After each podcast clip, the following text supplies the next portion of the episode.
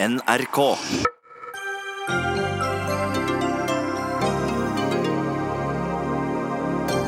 Sjamankvelden i St. Petri-kirken i Stavanger er avlyst. Märtha Louise og sjamankjæresten må finne seg et annet sted, etter at biskopen fant ut at det har kommet frem så mye nytt i media. Nøyaktig hva vet du nå, som hun ikke visste da?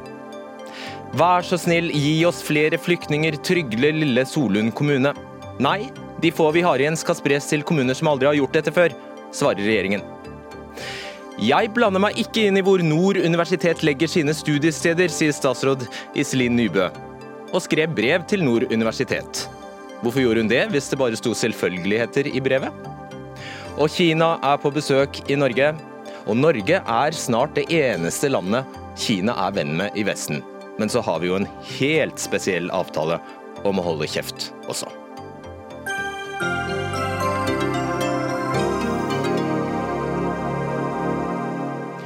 Vel møtt til Dagsnytt 18.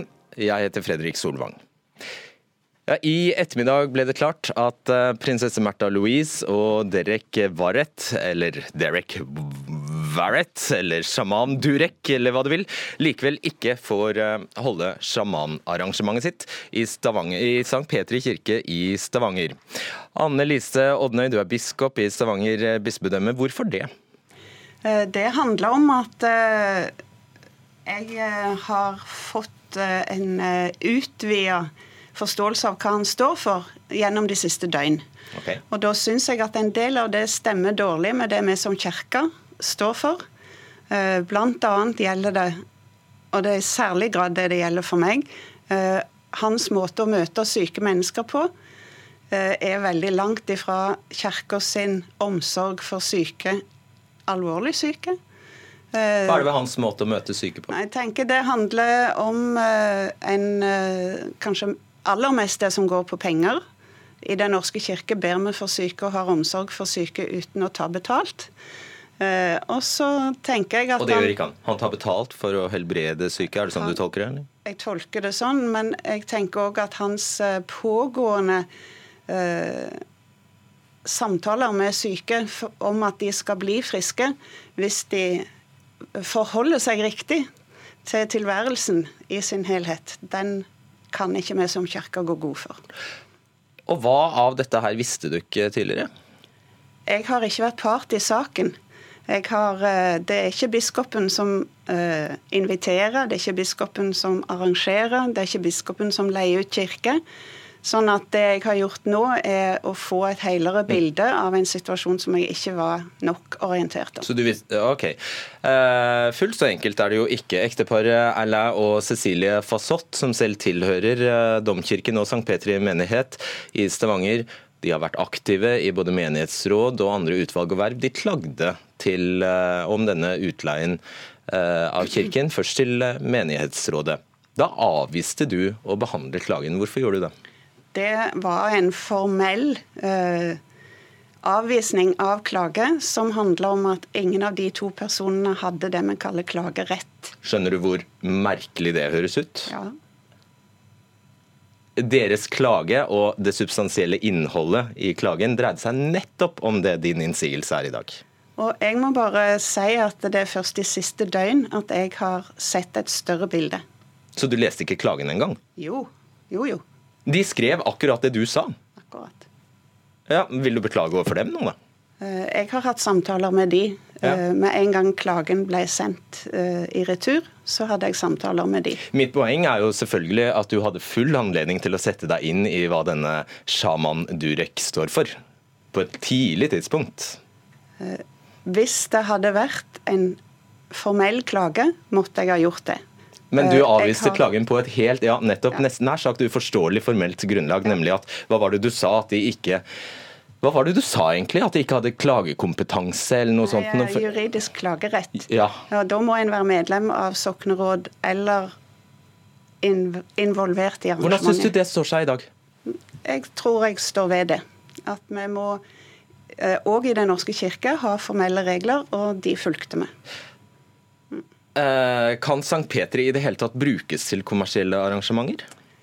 Det skal jeg snakke om en annen gang, tror jeg. Ikke, Nei, ta det gjerne nå. Den, den, brukes til kommersielle arrangement i desember måned. Sånn er det. Ja, jeg vet den gjør det, men skal den kunne det? Det skal jeg snakke om. Hva står i vedtektene, eller hva står i statuttene? Det skal være forenlig med det som kjenner til menighetens oppbyggelse. Ja, det var diffust. Uh, når vi her står overfor et arrangement der de tar 595 kroner per eh, person, er det da ingen, ingen klokker som ringer? Ingen, altså, ja, Bokstavelig talt. Jeg har som sagt ikke vært inne i saksbehandlingen tidligere. Jeg har avvist en klage på veldig formalistisk grunnlag. Og jeg har fått et utvida bilde av situasjonen som gjør at jeg nå setter foten ned. Mm. Og tenker at vi som kirke står for helt andre ting enn sjaman Durek. Så du angrer ikke på at du satte, ikke satte foten ned tidligere? Før det ble en mediestorm av dette her? Nei. Nei. En siste ting, du. Eh, dialogpress Silje Trym Mathiassen i eh, Stavanger sa for få dager siden at dette driver, jo, driver de med hver eneste dag. og det, hun, hun, skjønner ikke hvorfor det ble en så sterk eh, reaksjon når det handler om å invitere til å snakke om nyåndelighet. Vi har hatt samtaler med imamer, med mennesker fra Humanitisk Forbund, med representanter fra Alternativmesse. og Dette handler om å åpne opp og lytte til hva det vil si å være kirke i en flerkulturell kontekst, forklarte hun. Og Jeg er veldig glad eh, for at vi har et eh, dialogsenter i Stavanger som legger til rette for sånne samtaler. Det er helt i tråd med et kirkemøtevedtak fra 2016. Eh, det dialogiske forsvant litt i dette arrangementet. Hva betyr det? Det betyr at selv om dialogpresten hadde innledning og avslutning, så ville eh, samtalen mellom For det dialogsenteret var ikke arrangør. Så samtalen mellom eh, sjaman Durek og prinsesse Märtha Louise ville være på deres eh, betingelser, og ikke som en dialog. Skal hun fremdeles lede et arrangement, bare et annet sted? Det tror jeg, men jeg har ikke spurt. Er det greit for deg? Ja. Bare det ikke skjer i St. Petri kirke? Ja. Eller i en annen kirke da, i Stavanger? Eller er det sånn å forstå? en annen kirke i Stavanger bispedømme. Okay. Der jeg bestemmer. Skjønner. Takk skal du ha. Takk skal du ha. Eh, Sjamanistisk forbund er faktisk godkjent eh, trossamfunn i Norge med vigselsrett og statsstøtte. Så hva er egentlig sjamanisme? Inger Lise Mervik, du er leder i Sjamanistisk eh, forbund og forstander for Oppland med oss fra Lillehammer. Er det en religion? Er, det, er, det, er det, det? Hmm. Nei, vi regner jo ikke sjamanisme som en religion, men eh, en tro, det er det. Det er noe vi tror på. Hva tror dere på? Nei, vi tror på at alt er besjela. Hva betyr det? I hovedsak. At uh, alt som lever og alt som eksisterer har en sjel, eller er besjela, sånn at du kan ha et forhold til det, da, på en måte, og henvende det til det. Og dere har en slags trosbekjennelse? Ja, det er den, nettopp den at alt er besjelet. Mm. Du, Hva er den store kraften, for den snakker dere mye om? Ja, Den store krafta den eh, defineres jo på mange måter sjøl innenfor sjamanismen. og Det er vel den samme krafta som eh, du finner hos de kristne og hos muslimer, som er en høyere kraft enn oss sjøl. Er det en gud? Det er det jo for noen, ja. Så det kan være en gud? Og det kan være en kristen gud? Ja, det kan det være. Det kan det helt klart være. Kan det være Allah? Ja, ja. Okay. Alle som, alle som tror på noe i et trossamfunn, eh, vil jeg tro at alt har den samme kilden, alt har det samme opphavet. Hva gjør en sjaman? Ja, en sjaman kan ha veldig mange forskjellige roller. Tradisjonelt så var jo eh, sjamanen var et bindeleddet mellom eh, åndeverdenen og samfunnet som hun bodde i. Og kunne da f.eks. be om godt vær eller god jakt, hjelpe å finne vilt f.eks. osv. osv. For ja. vi prater jo om langt tilbake i tid, når vi var jegere og samlere. Mm. Kan alle bli sjaman? Uh, alle kan praktisere sjamanistiske teknikker, men uh, det er nok ikke alle som kan bli sjaman. Det tror jeg ikke. Nei. Tror du at en sjaman kan kurere sykdommer? jeg, hva jeg tror, det er jo helt personlig, og jeg er her som representant for Sjamanistisk forbund, så da vil jeg jo si at uh, nei.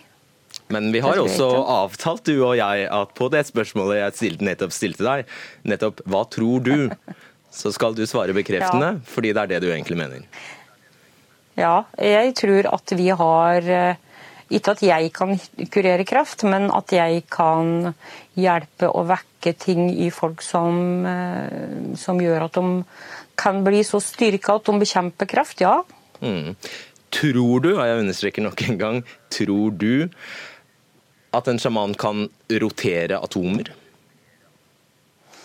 Eh, ja, nå, Dette pratet vi også om før i dag. Ikke rotere eller snu på, men manipulere i en kraft, ja. Det tror jeg, for det er jo det vi gjør egentlig hver dag når vi jobber med sjamanisme. Heng med oss. Eh, vi skal introdusere neste kvinne her, som er Gry Merete Tveten. Forsker ved Fysisk institutt på Universitetet i eh, Oslo. La oss ta dette med den store kraften eh, først. Utelukker du at den ikke finnes rent fysisk? Um, jeg tenker at når man snakker om eh, den store kraften i en åndelig sammenheng, så er det noe helt annet enn den type krefter vi måler på laboratoriet. Eh, det har vært mange fysikere som har vært veldig interessert i denne tanken med en åndelig kraft, og det har vært gjort forsøk på å måle noe sånt nå. Men enn så lenge så virker det ikke som om det er noe vi kan måle på noen som helst måte.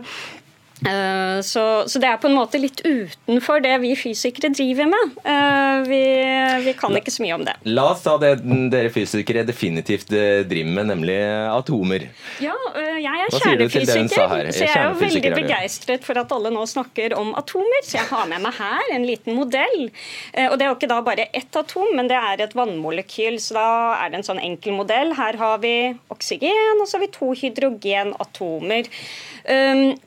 Og det å få et enkeltatom sånn som det her til å rotere, det er på en måte det er litt vanskelig å si hva det skulle være. For det er egentlig bare en sky, en gedigen sky av elektron som beveger seg rundt en bitte liten positiv kjerne. Eh, men vi kan f.eks. få vannmolekyler til å rotere på veldig mange forskjellige måter. Og det er jo sånt som folk syns er spennende å måle på. Og Da får man sånne absorpsjonsspektre som det her, f.eks. Um, og det er veldig interessant. Men uh, når jeg da hører en sjaman si at jeg kan få atomene til å snu seg, så tenker jeg det vet du ikke, for du har ikke målt. Du har ikke sett noe sånt som det her, og du har ikke prøvd, du har ingen data på det. Det kan du ikke vite noe om. Uh, så hva, hvordan vil du betegne det? At noen påstår de kan det? Eh, jeg tenker at det er ren humbug. Eh, ren at det bare er tull. Eh, men det er klart, selvfølgelig, når man sier at man manipulerer atomer på en eller annen måte Alt vi mennesker gjør, gjør jo noe med oss. Mm. Mervik, jeg tipper det ikke er første gangen du har hørt det at det bare er humbug, men hva sier du til det? Nei, jeg, jeg forstår jo det. Det gjør jeg. Vitenskapen har sin måte å se ting på. Eh, mens vi som driver med på det åndelige planet, vi ser kanskje ting på en annen måte. Og det, det syns jeg er helt greit. Det er jo bare spennende å møtes i det skjæringspunktet mellom um, det åndelige og det, det, fysiske og det som kan ta og føle på. liksom. Du, la meg stille deg, Vi var også innom det, eh, innom det mm, i samtalen vår tidligere i dag. Gi oss noen eksempler, helt konkrete eksempler på hvilke verktøy du bruker som sjaman. Nei, eh, det er I hvert fall når du driver med healing, da, så er det jo um, uh, tromma som er hovedredskapet. Vi bruker også rasler eller andre instrumenter. Uh, og um, også andre verktøy, så f.eks. som vi fortalte om før i dag, da, om den høres litt brutalt ut, steinbanking. Ja, det hørtes ikke noe godt ut. Der vi bruker to Nei. og det, ja, som sagt, det høres brutalt ut, men du legger da en stein mot skjelettet, ikke sant? og så slår du på, på dem med en annen stein. Og det er jo Rent fysisk så virker det jo i vibrasjonene, og så er det lydhealing samtidig. Hva er du oppnår med det? Så. Hva sa du? Hva oppnår man med det? Eh, ja, En helt uh, åpenbar effekt er at folk faktisk slapper av. Ja. Stress og kjas og bas som løsner på en måte fra kroppen og renner ut. og du Og det er jo veldig bra. Det er jo veldig stressløsende, f.eks. Gry Merete Tveten, er det noe av det du hører her som du tenker er skadelig eller ikke bra? Jeg har i prinsippet ikke noe veldig sterke meninger mot uh, åndelige altså F.eks. jeg driver selv med meditasjon, og jeg syns det er som hun sier, at det er veldig sånn avstressende. Så lenge man ikke så lenge man sier det på den måten, og ikke sier at 'jeg kan helbrede kreft', for da sier man noe om at hadde du ikke mottatt denne helbredelsen, så hadde du ikke blitt frisk. Og det kan man som regel ikke Det har man ofte ikke belegg for.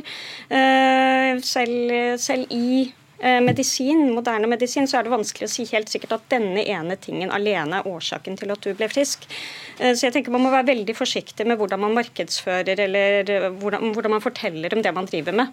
Det er et veldig stort ansvar. Er det sannsynlig at denne sjaman eh, Durek eh, kan rotere kjernen i atomene, i tillegg til elektronene i atomene, og dermed redusere alderen vår? Det er, eh, tenker jeg, omtrent like usannsynlig som at dette bygget nå plutselig kommer til å ta av fra bakken og forflytte seg til den andre siden av jordkloden. Det er ikke så sannsynlig. Nei. Nei. Eh, til slutt, eh, Mervik. Eh, Eh, kan en sjaman forutsi hva som kommer til å skje? Divinasjon er jo noe som er kjent fra samiske tradisjoner, og også fra gamle norrøne tradisjoner. Eh, hvor eh, skal si, presise de var, det, det, vet ikke jeg noen ting om. Og jeg har prøvd veldig lite på det sjøl, for å si det sånn. da. Men ja, noen prøver og treffer bedre enn andre, kanskje. takk skal du ha, Inger Lise Mervik, og takk eh, Gry Merete Tveten. Vi skal holde oss ved temaet, for eh, Derek Varrett har en imponerende CV. Han har bl.a. etter eget sigende jobbet med kjendiser som Gwyneth Paltrow, som han har delt sin sjamanisme og sine gaver med, slik at hun har styrket sitt klarsyn og sin innsikt, som har gitt henne kraft til å nå den høyeste sannhet.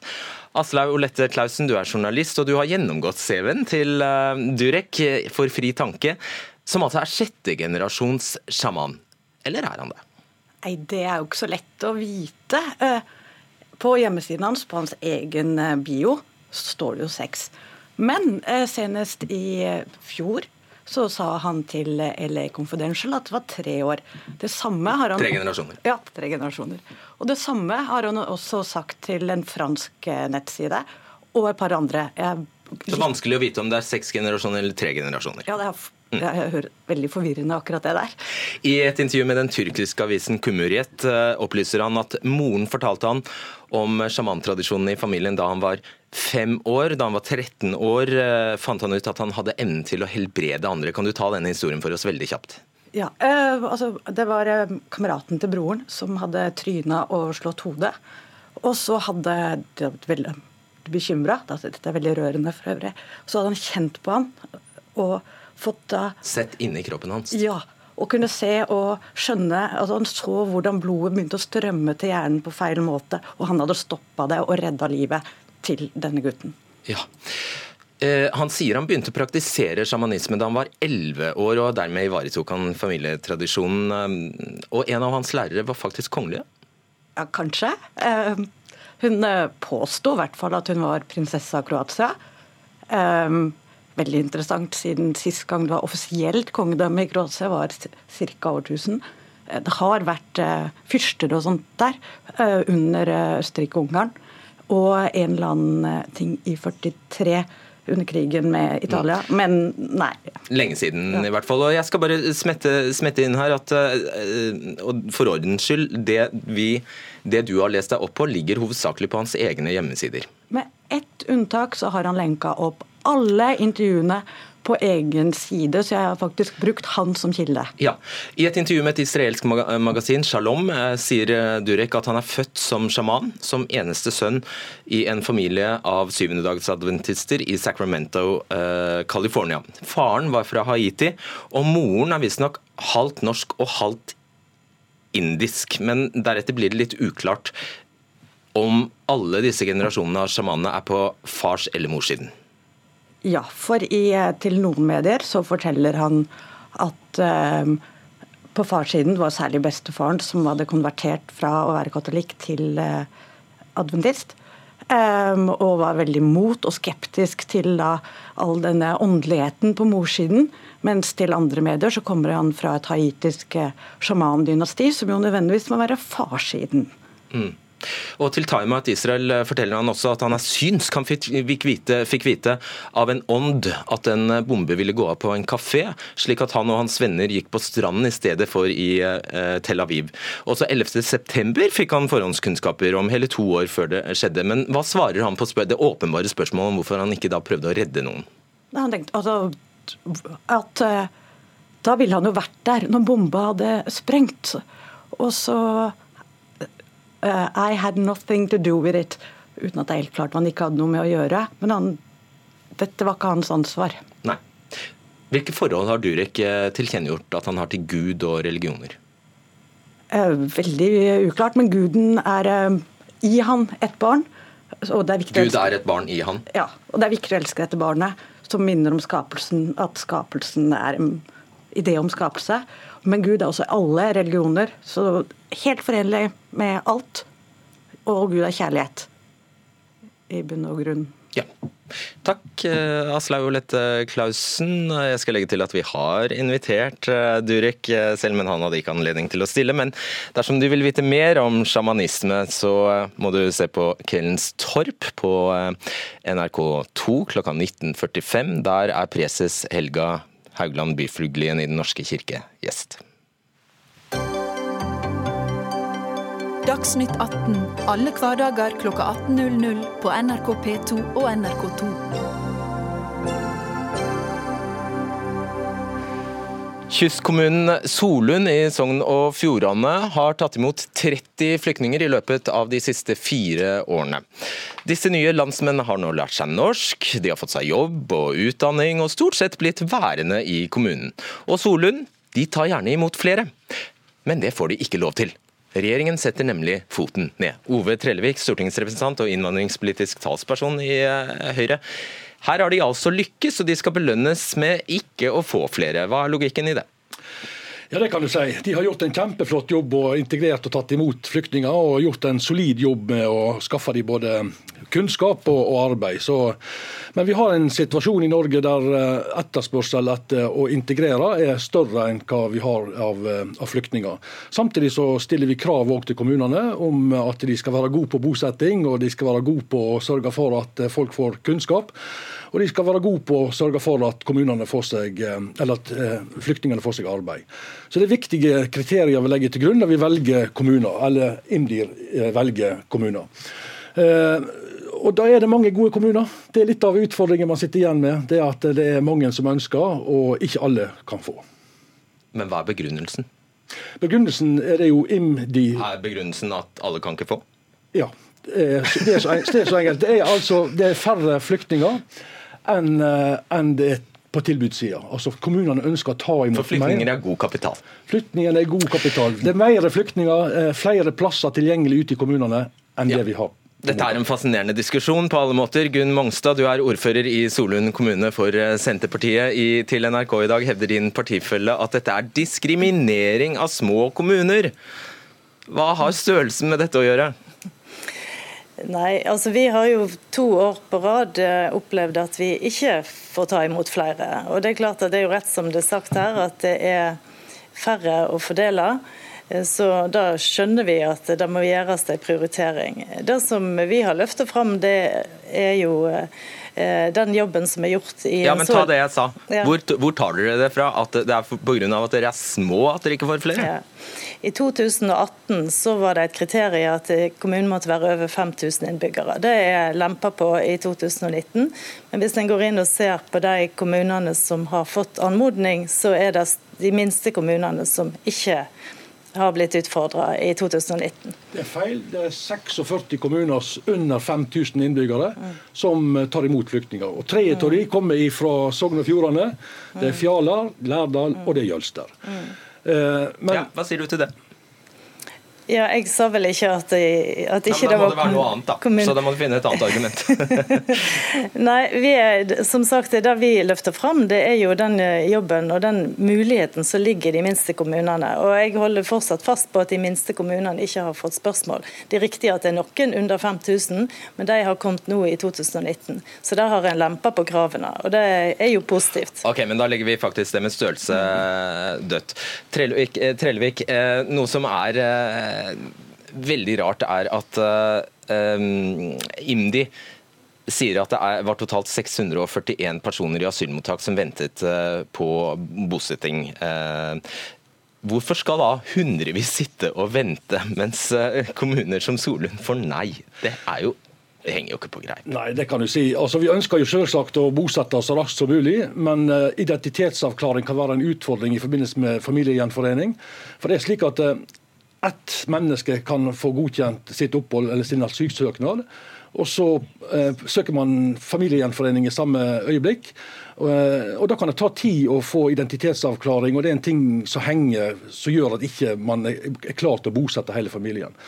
Og Det gjør at dette kan ta litt, litt lengre tid, men vi har fått ned tida i asylmottak veldig kraftig. Det tok jo 19 måneder, og nå er vi nede i ja, ja det er egentlig en litt annen altså, nei, men Det er veldig viktig eh, poeng her. for det, eh, det, er viktig å få ned tida, den totale tida i mottak, og den saksbehandlingstida det tar for å få asylsøkere ut i kommunene. Og Der syns jeg vi gjør en veldig god jobb, men det er ingen som ønsker at de skal være i asylmottak lenger enn nødvendig.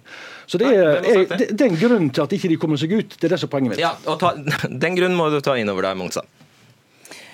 Ja, jeg vet ikke hva grunnen er at eh, de som sitter i mottak i dag, ikke kommer ut. Men eh, det jeg, vet, ja, det jeg vet, er at vi har lykkes med, den, med, det oppdraget som vi har fått.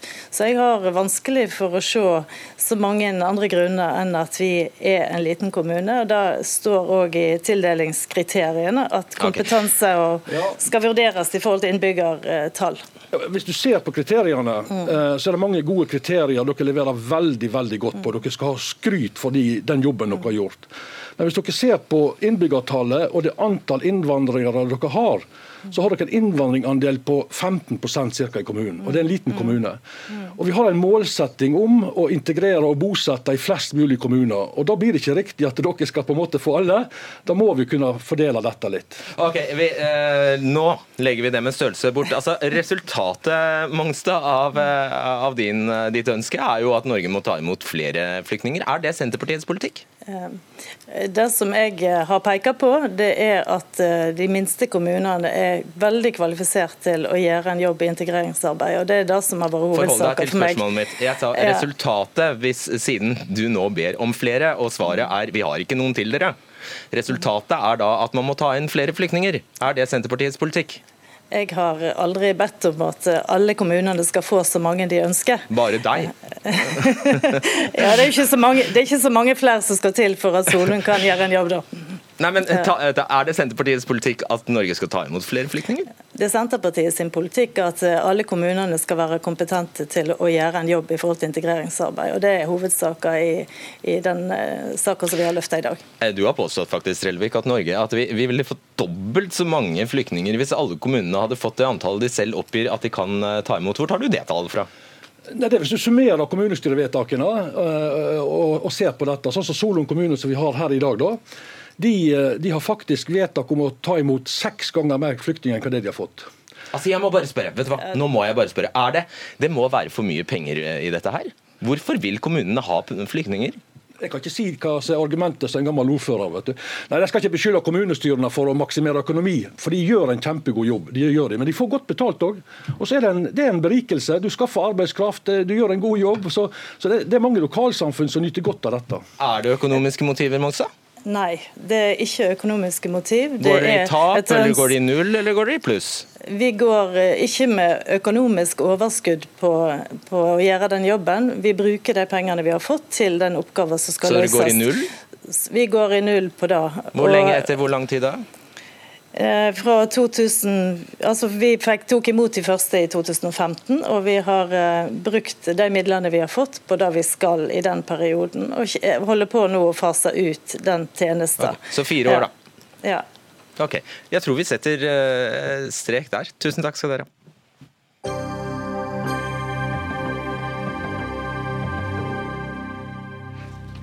Bjarne Brøndbo kastet seg inn i kampen for Namsos universitetsby. I Nesna kjemper man for fortsatt eh, lærerstudier, eh, mens man ved Universitetet i Sørøst-Norge har luftet tanken om eh, på om det er bærekraftig å holde seg med åtte campuser. Nå vil Senterpartiet sette foten ned for sentralisering av Universitets-Norge. Det var dette vi advarte mot da regjeringen innførte sin reform for universitets- og høyskolesektoren, sier Senterpartiet. Er det ikke sånn, Marit Arnstad? Jo, det var en forhasta og en underfinansiert reform. Det var en reform der, du, der det, politikken valgte å abdisere og overlate sektoren sjøl å foreslå eh, sammenslåinger. Eh, sånn, det politiske ansvarsfraskrivelsen var på en måte total. Og hadde NTNU-styret vippa én stemme andre veien, så hadde vi ikke fått noen sammenslåinger i hele tatt. For det var NTNUs fusjon som fikk lov å styre det hele, og de styrte ut fra faglige kriterier. Men og de slo seg på den logiske måten sammen med Gjøvik, var det sånn? Eller ja, spiste opp Gjøvik? De valgte fag, ikke sant? teknologien i Gjøvik og teknologien i Ålesund, mens alle andre var nødt til å velge etter geografi. Og det er også et sammensurium av tidligere universitet og uh, høyskoler. Mm. Iselin Nybø, du er høyere utdannings- og forskningsminister fra eh, Venstre. Hva er resultatene av denne reformen så langt, du? Ja, Det er jo vondt å, vondt å si liksom, hva resultatene er, for det er nok mange, mange ting. Nei, men Det er ikke én ting, det er mange ting. For så, så nevner jo Marit Arnstad her eh, fusjonen mellom, mellom NTNU og, og, Ålesund og Gjøvik, som jeg vil si har, har eh, vært en, en, god fusjon for, for, egentlig alle parter. For de har tilbrakt hverandre ulike ting og har fulgt ut hverandre på en god måte. Men har nasjonalt har man oppnådd sterkere fagmiljøer og bedre studietilbud?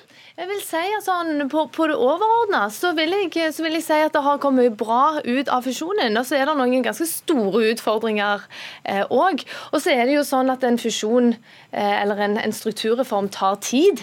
Eh, og, og, det er så ulike institusjoner vi har at det er nesten vondt å sammenligne. Det er f.eks. vondt å sammenligne fusjonen mellom NTNU, eh, Høgskolen i Gjøvik og Ålesund med det vi f.eks. ser i, i Nord universitet nå. La oss snakke litt om Nord.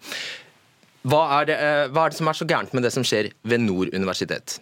Nei, altså for det første vil jeg si til det med hva som kommer ut av reformen. altså Taperne i denne reformen ble jo høyskolene. Fordi ingen egentlig diskuterte hva ville du med det, det, samfunnsoppdraget som høyskolene hadde. Og De har jo mye profesjonsutdanning, lærerutdanning, sykepleierutdanning. Det som er problemet med Nord nå, det er jo at de nå er satt i en situasjon der de diskuterer sentralisering av campuser som nettopp handler om lærerutdanning, om sykepleierutdanning, som er tett knytta til regionalt næringsliv og regionalt arbeidsliv, og ikke minst sykehuset i Namsos når det gjelder sykepleierutdanninga ja, i Namsos. Det, det, var grunnen til at jeg, jeg nevnte Bjarne Brøndbo, for han har altså kastet seg inn i kampen på vegne av eh, Namsos. Og du har ikke greid å holde fingrene helt av fatet du heller, gitt. Hva har Nei. du sagt? Ja, eh, jeg har, sendt, eh, jeg har sendt, et brev til styret, altså før styret behandla denne rapporten som, som, rektor har lagt fram. Nå er nå prosessen en gang sånn at rektor la fram en rapport, og så sendte jeg et brev. Og så hadde styret det oppe på styremøtet sitt, der de bestemte seg for å sende ut denne rapporten på høring. Mm. Hvorfor sendte og, du et brev? Jo, jeg sendte et brev fordi at eh, jeg opplevde den rapporten som rektor eh, hadde lagt, eller administrasjonen hadde lagt, som en rapport som la veldig mye vekt på på det å styrke fagmiljøene, det å styrke kvaliteten, det å løfte kvaliteten både på utdanningene og forskningssida. Altså hele Mens, hensikten, i tråd med hele hensikten i reformen? Altså det, det et, et, eh, universitet og en høyskole har, har, et større samfunnsoppdrag enn bare det. Ok, Hva skrev og, du i brevet, da? Ja, nei, Det er det jeg vil gjerne ja, fortelle. Ja. Eh, og Derfor så sendte jeg et brev, for jeg opplevde ikke at, eh, at rektor la altså la nok vekt på den andre delen av samfunnsoppdraget, som handler om å levere gode kandidater til arbeidsliv og næringsliv i de regionene som universitetet sokner til. Så, så du skrev det er feil å gjøre det dere har tenkt å gjøre nå i Namsos f.eks.? Men jeg ba dem om å være oppmerksom på at det er en annen del av, oppdraget òg som de må ta hensyn til som styre. Skal du legge deg opp i dette, disse greiene her, egentlig, eller er det opp til styret? Ja, nei, Det er jo et uvanlig skritt å gå til for en statsråd å sende et brev til styret. men jeg mener vi er i en ganske uvanlig situasjon òg eh, eh, når det gjelder Nord universitet. Og Derfor så hadde jeg et ønske om, som, som, eier av universitetet, å sende det brevet til styret før de behandler saken. Du vet hva styrelederen har svart? Jeg har, jeg, altså, hun har sagt mange ting, så jeg vet ikke Hun sa jeg tolker brevet at det er i tråd med det mandatet styret har vedtatt. Ja, og styret gjorde jo nettopp det. Så, ja, så da var brevet helt forgjeves, da? Nei, styret valgte jo å sende rapporten på høring. De valgte å be om en del tilleggsutredninger. Og så vil jo de nå da høre De vil høre kommuner, fylkeskommuner, næringslivet, andre som har interesser, hva meninger de har. Det er en veldig forvirrende oppførsel fra regjeringas side her, altså. Jeg skjønner at styret òg for så vidt er litt eh, forvirra. fordi i januar så sendte departementet et tildelingsbrev der de sa at styret må se på strukturen, og at det var et problem at det var en desentralisering desentralisert struktur. Så jord, gjør styret det. Eh, mange av oss liker det, men de gjorde det. Eh, og når da rektor legger fram sitt forslag, så kommer den ene etter den andre ut. Da sender statsråden brev som er en ren advarsel til styret. Så går André Skjelstad, som er stortingsrepresentant for Venstre, ut og sier at dette blir avlyst. Og så går Trine Skei Grande ut som er partileder i Venstre og sier at det her var som å få et snøskred i hodet, og det her er helt bakvendt. Og Høyres representant i Trøndelag har gått ut og sagt omtrent det samme. Og Høyres representanter i Stortinget under en debatt i forrige uke sa også at de var veldig skeptisk til rektors innstilling. Men hvis rektors innstilling da blir vedtatt av styret, hva har regjeringa tenkt å gjøre da? Ja. For nå har de blanda dere så sterkt inn i disse sakene her. Hva vil de da gjøre? Godt spørsmål. Ja, men nå er jo prosessen sånn at den er ute på høring. Den rapporten som rektor la fram, den er ute på høring. Nå skal jo alle få anledning til å si ja. hva de mener om det. Og så skal rektor komme med en innstilling ja. til styret som skal behandle saken 26.6. Så vi har jo fortsatt ikke sett Og da var spørsmålet, hva gjør dere som har blandet dere så veldig opp i dette, dette her? Hva gjør dere da, hvis eh, utfallet faktisk blir rektors innstilling? Som dere da egentlig i praksis har sagt at dere ikke vil ha. Rektor har ikke lagt fram sin innstilling ennå. Hun vil legge den fram før styremøtet 26.6. Okay, la meg være enda mer konkret. Her... André Skjelstad, det stemmer det som eh, Arnstad sier. Han sto i Namsos under et folkemøte og sa jeg har en klar beskjed fra vår statsråd, altså deg. Universitetet i Namsos skal bestå og videreutvikles. Hvordan kunne han si det? Nei, altså Det må du jo spørre André Skjelstad om. Jeg, vil anta, jeg vil anta at han har tolka mitt brev dit hen at de, må, de skal ta hensyn han feil? Jeg har, ikke, jeg har, vært helt bevisst på at jeg ikke har uttalt meg om noen av studiestedene. og det, det, har vært viktig for meg å ikke gå inn i konkrete studiesteder, men peke på viktigheten av at universitetet må levere gode kandidater til arbeidsliv og næringsliv i den regionen altså, som de sokner til. Jeg tror at det er sånn at Nå trår regjeringa og departementet, og statsråden og representantene fra Venstre og Høyre nå trår de vannet og håper at styret ikke skal følge den innstillinga rektor har kommet med, og som rektor også kanskje kommer med i løpet av juni.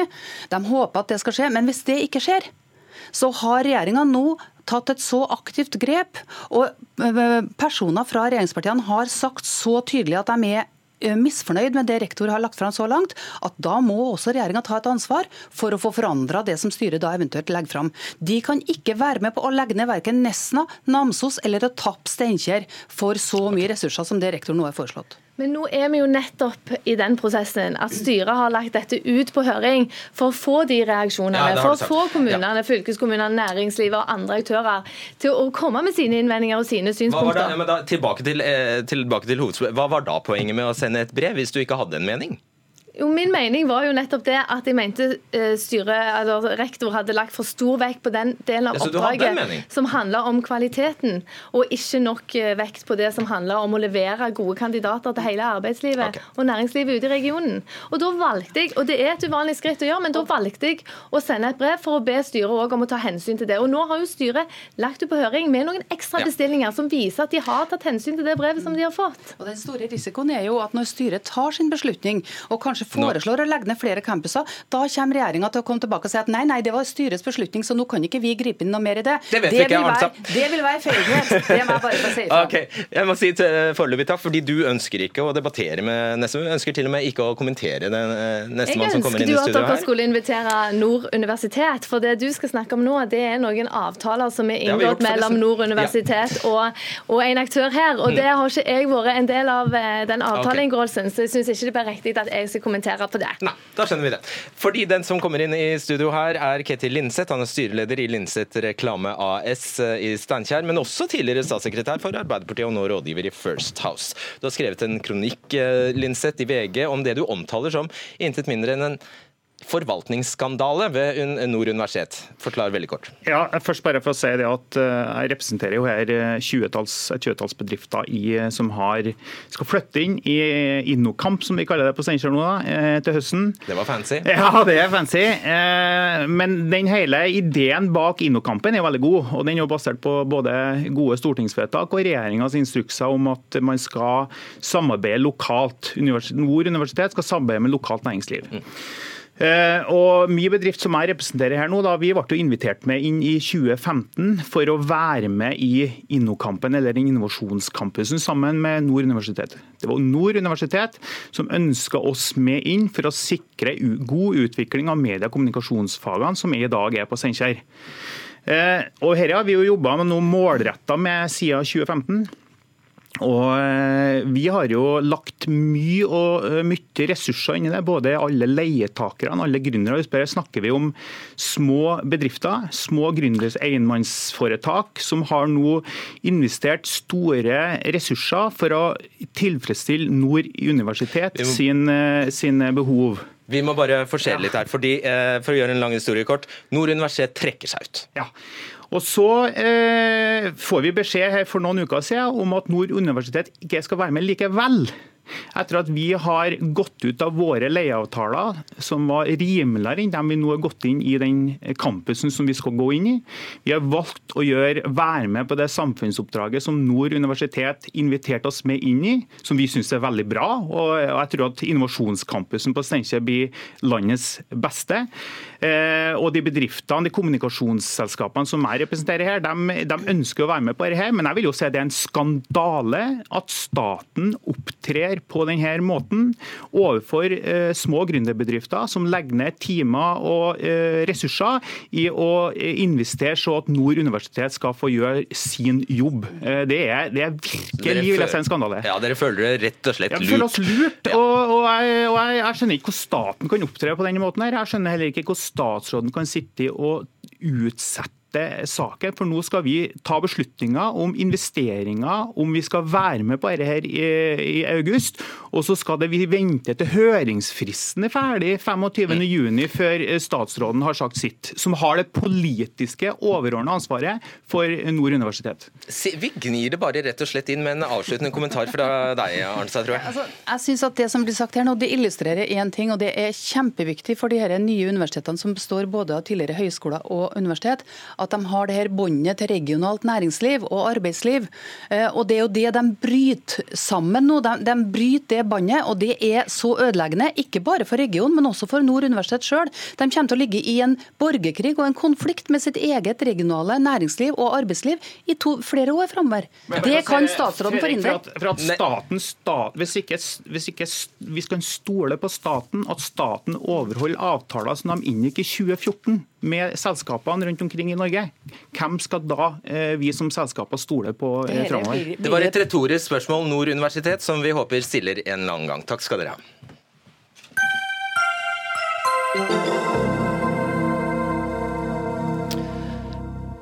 Da den tredje mektigste mannen i eh, Kina, Li Shanshu, eller noe sånt nå, cirka, besøkte Stortinget tidligere i dag, ble han møtt eh, av en rekke tilhengere, faktisk.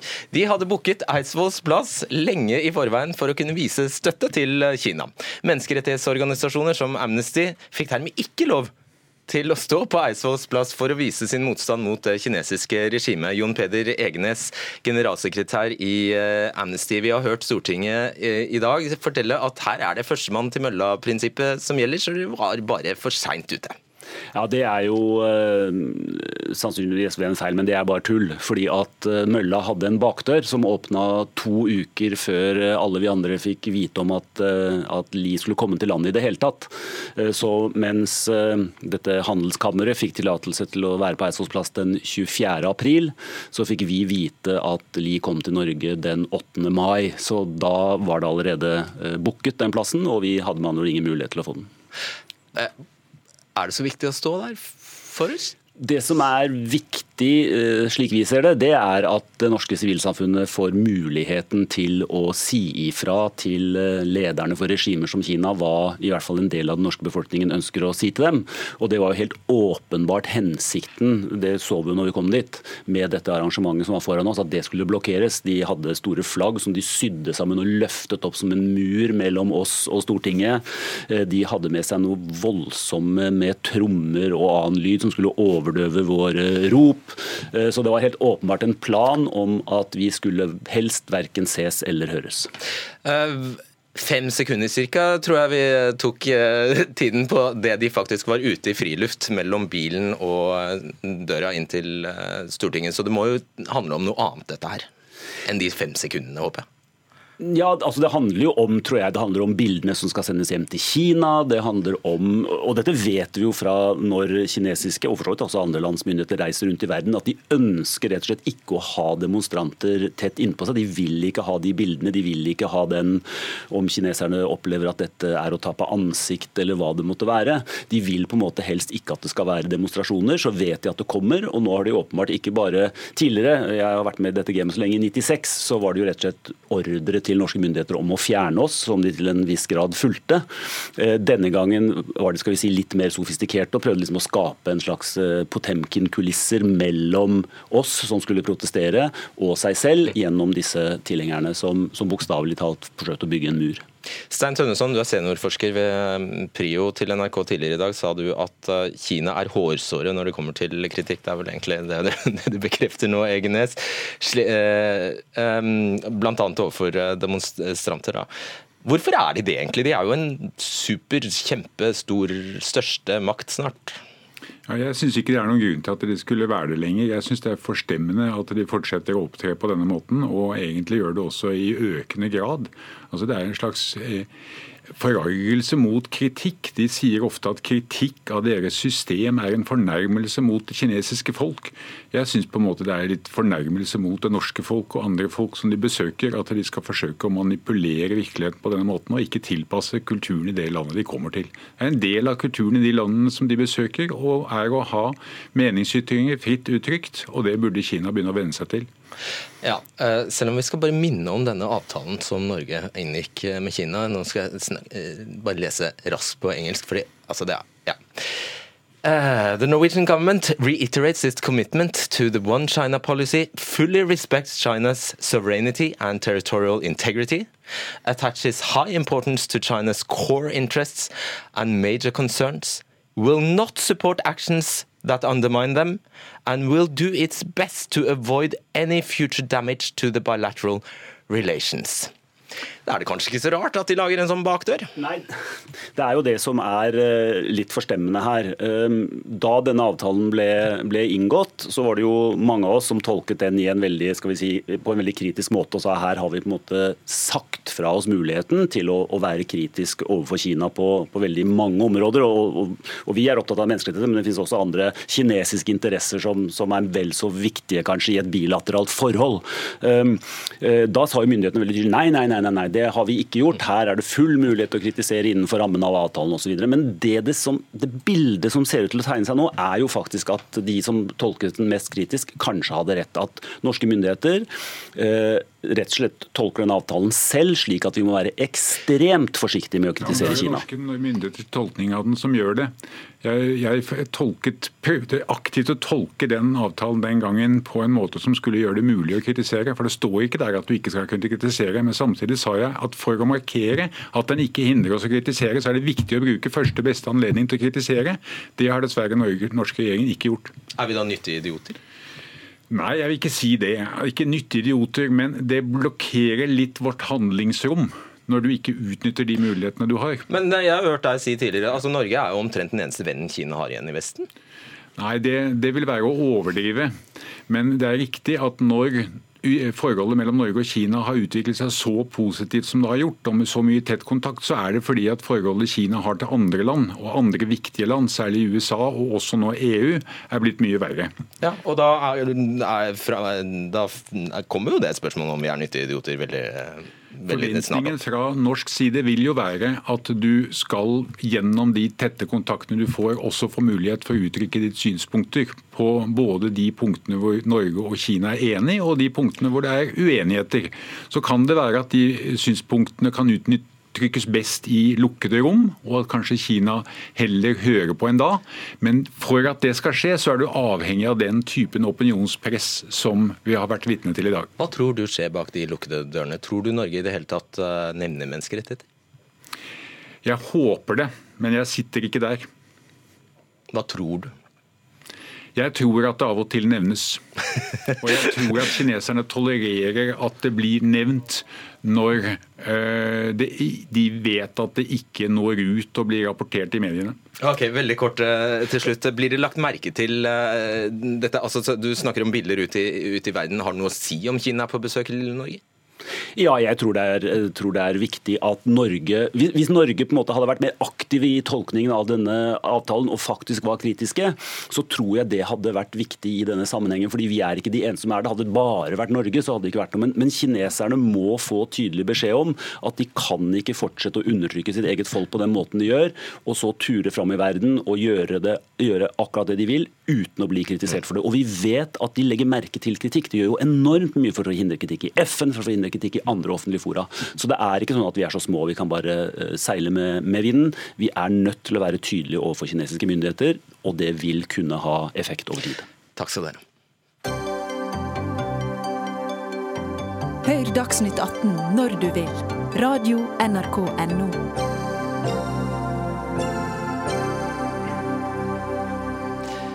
SVs forsøk på å stanse sjødeponiene i både Repparfjorden i Finnmark og Førdefjorden i Sogn og Fjordane endte i et omtrent så solid eh, mindretall i Stortinget som det er mulig i går. Det var bare SV selv som stemte for sitt eget forslag. Dermed fortsetter arbeidet med å lage egne deponier under vann for gruveavfallet fra utvinning av viktige metaller i områdene.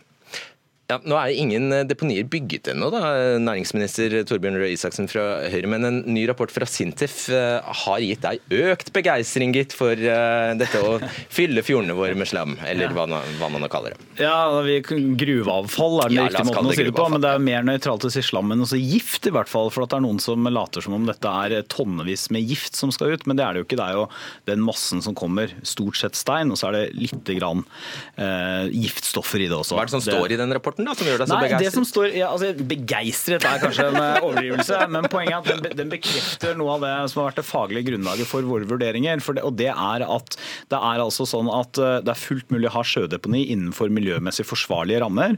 Og at det også, eh, kan jeg legge til, det er heller ikke sånn at det automatisk er miljømessig bedre å ha landdeponi enn sjødeponi. Og Når vi da legger det på toppen av det som vi har også lagt vekt på, nemlig at her tar vi hensyn til de samiske interessene, det er et en, det er ikke eneste, men i hvert fall stort stort flertall i kommunestyret i Kvalsund som ønsker dette, skaper 150 arbeidsplasser i en region som trenger private arbeidsplasser, så er dette her en god sak for Finnmark, for nord og for Norge. Mm, så nå har du det kunnskapsgrunnlaget du trenger for å mene det du mente før? Nei, det bare bekrefter, det bekrefter mye av det. Men så er dette her en vitenskapelig rapport, så det er ikke sånn at den rapporten sier noe om eh, regjeringas vedtak om Nussir. Nei, men poenget mitt var at nå kommer forskningen kommer, eller nei, vitenskapen nei, dette, kommer etter vedtaket. Dette, dette, er det mye forskning på fra før også. okay. ja. Lars Haltbrekken, stortingsrepresentant. Nei, jeg, det, det, er ganske viktig. Kimser ikke, kimser For her er det, her er det, altså Dette er en vitenskapelig rapport som har kommet nå, men dette her vet vi jo ting om fra før også. Så det er ikke sånn at plutselig nå har det dukket opp noe som gjør at vi revurderer. Ja. Lars Haltbrekken, stortingsrepresentant for SV, medlem av energi- og uh, miljøkomiteen. Dere tapte jo da altså så det smalt uh, i, i, i går. Men Eh, ja, Hva sier du til denne?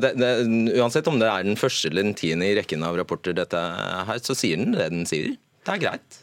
Ja, Den sier vel ikke helt at det er greit, men uh, nå er det jo sånn at uh, statsråden burde jo ha lytta til sine egne faginstanser, til Fiskeridirektoratet, til Havforskningsinstituttet, som har advart på det sterkeste imot uh, å etablere sjødeponi i Føydefjorden og, og, i Repparfjorden. I stedet så går han da til institutter som han vet er positive til dette fra før av. Og det som er interessant med rapporten, er jo at den er laga i samarbeid med syv gruveselskap som enten har sjødeponi i dag, eller som ønsker å etablere sjødeponi. Den er laga i samarbeid med Nussir, som skal dumpe gruveavfall i Repparfjorden. Den er laga i samarbeid med Nordic Mining, som skal dumpe gruveavfall i Førdefjorden. Og at den rapporten da er positiv eh, til å bruke våre fjorder som søppelplass for gruveindustrien, det er jeg veldig overraska over. Men jeg er litt overraska over at statsråden trykker den til sitt bryst. Eh, to ting. Eh, for det første, hvis det er sånn at stortingsrepresentanten eh, fra SV nå sitter og beskylder forskningsinstituttene for det som i praksis er at man kan kjøpe seg til konklusjoner, eh, så er det en veldig alvorlig anklage, men den diskusjonen får du ta med de instituttene som har laget den og står faglig forsvarlig bak den. Det er det ene jeg har lyst til å si. Det andre det er at argumentet om at vi ikke har lyttet til faginstansene er feil.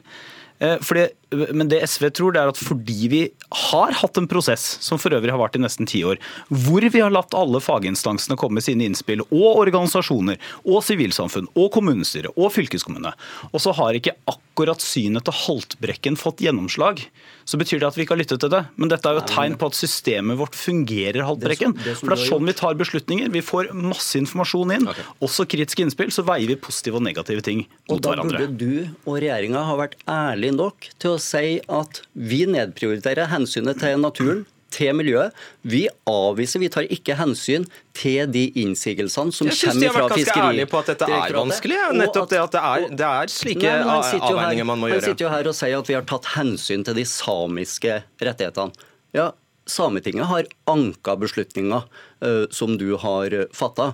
De oppfatter ikke at man har tatt hensyn til de samiske rettighetene. Fiskeridirektoratet uh, mente at det overhodet ikke burde etableres uh, noe sjødeponier. Og Fiskeridirektoratet er ditt departements faglige organ i denne type spørsmål. Det er også Havforskningsinstituttet. Men du velger i stedet å lytte til en rapport som er laga i samarbeid med flere gruveselskap. Men denne rapporten kommer jo nå. Eh, vi har også et direktorat for mineralforvaltning f.eks. De har vært inne i saksbehandlingen her. Vi har et miljødirektorat. Det er de som gir utslippstillatelsen. Det er en rekke faginstanser som er inne her, og som vurderer basert på sitt faglige grunnlag. Og så er det sånn at Ingen legger skjul på at mineralvirksomhet har miljøkonsekvenser. men det vi sier at det er innenfor forsvarlige rammer. Hva betyr det? For å være litt, sånn, litt teknisk, da, men forsøke å være pedagogisk, det betyr at de partiklene som kommer fra gruveavfallet, eh, da er den faglige vurderingen at det vil ikke spre seg slik at det påvirker f.eks. torskestammen eller laksestammen. Og så er det en helt ærlig sak at SV, uansett hva slags argumenter man har i denne saken, er mot i utgangspunktet. Men det er jo eh, Fordi at sannsynligvis det, Jo, det er helt riktig, og det vil heller aldri lagt skjul på. Fagorgan, dem som er våre fremste eksperter på miljøet i sjøen, på fiskeria, de frykter at dette avfallet, at denne finmalte massen, som uh, også inneholder noe tungmetaller, ja, men... vil spre seg langt mer enn det som gruveselskapene sier. Det, det, er helt, det, er helt, riktig. For det første er det ikke gruveselskapene da, som sier det, dette er jo uavhengige vurderinger. Men det er riktig at det også er faglig uenighet om hvor stor faren er. Det er ingen som sier at vi vet sikkert at det kommer til å spre seg, men det er uenighet om det. Men problemet er at det SV legger opp til argumentasjonen sin, som er så villedende, det er at det betyr nærmest at man har hatt en udemokratisk prosess ja, hvor men... ikke eh, kritiske stemmer har blitt lyttet til. Du, Når prosessen vår er stikk motsatt. Jeg er bare nødt til å forklare. Hva er alternativet deres? Alternativet er gruvevirksomhet hvor du stiller krav om bruk av disse avgangsmassene, hvor du tar ut mest mulig av de metallene og mineralene som er der, og hvor du også stiller krav om å bruke disse avgangsmassene Fylle i en gruve igjen? Og så bruk mest mulig av avgangsmassen til uh, alternative ting, som eh, bygge- og anleggsvirksomheten. Vet vi, de, de har sagt at de trenger ikke så mye stein. Jo, men dette gjøres i andre land, og i dag så er det ja, flere de, land De har sagt det, de norske har sagt det. Jo, men når vi bygger uh, anlegg, når vi har tunneler osv., så, videre, så er det etterspørsel etter den steinen. Det burde ha vært mulig å vært med på å skape et marked for bruk av denne type avgangsmasser. Så vil man da sitte igjen med en rest. Den bør fylles tilbake i uh, gruvegangene. EU har i dag mål om å utvikle uh, gruvedrift uten utslipp. Men, men da får du avslutte for et halvt minutt til. I stedet så dumper vi på linje med det fire andre land i verden gjør. Det, det, det, det, er et mål jeg deler. Det burde vi også, eller har vi selvfølgelig også som mål. Eh, poenget er at SV er mot dette uansett. Mot kommunestyret i Kvalsund, mot 150 arbeidsplasser i Finnmark. Og later som om ikke kritiske stemmer har blitt hørt, når de har blitt hørt i ti år. Men vi har bare tatt en annen beslutning som du er uenig i. Og nå er poenget at det er eh, over. Takk skal dere ha. Eh, ansvarlig for denne sendingen var Jaran Ree Mikkelsen. I teknikken satt Marianne Myrhul, og i studio Fredrik Solvang. Ha en fin kveld.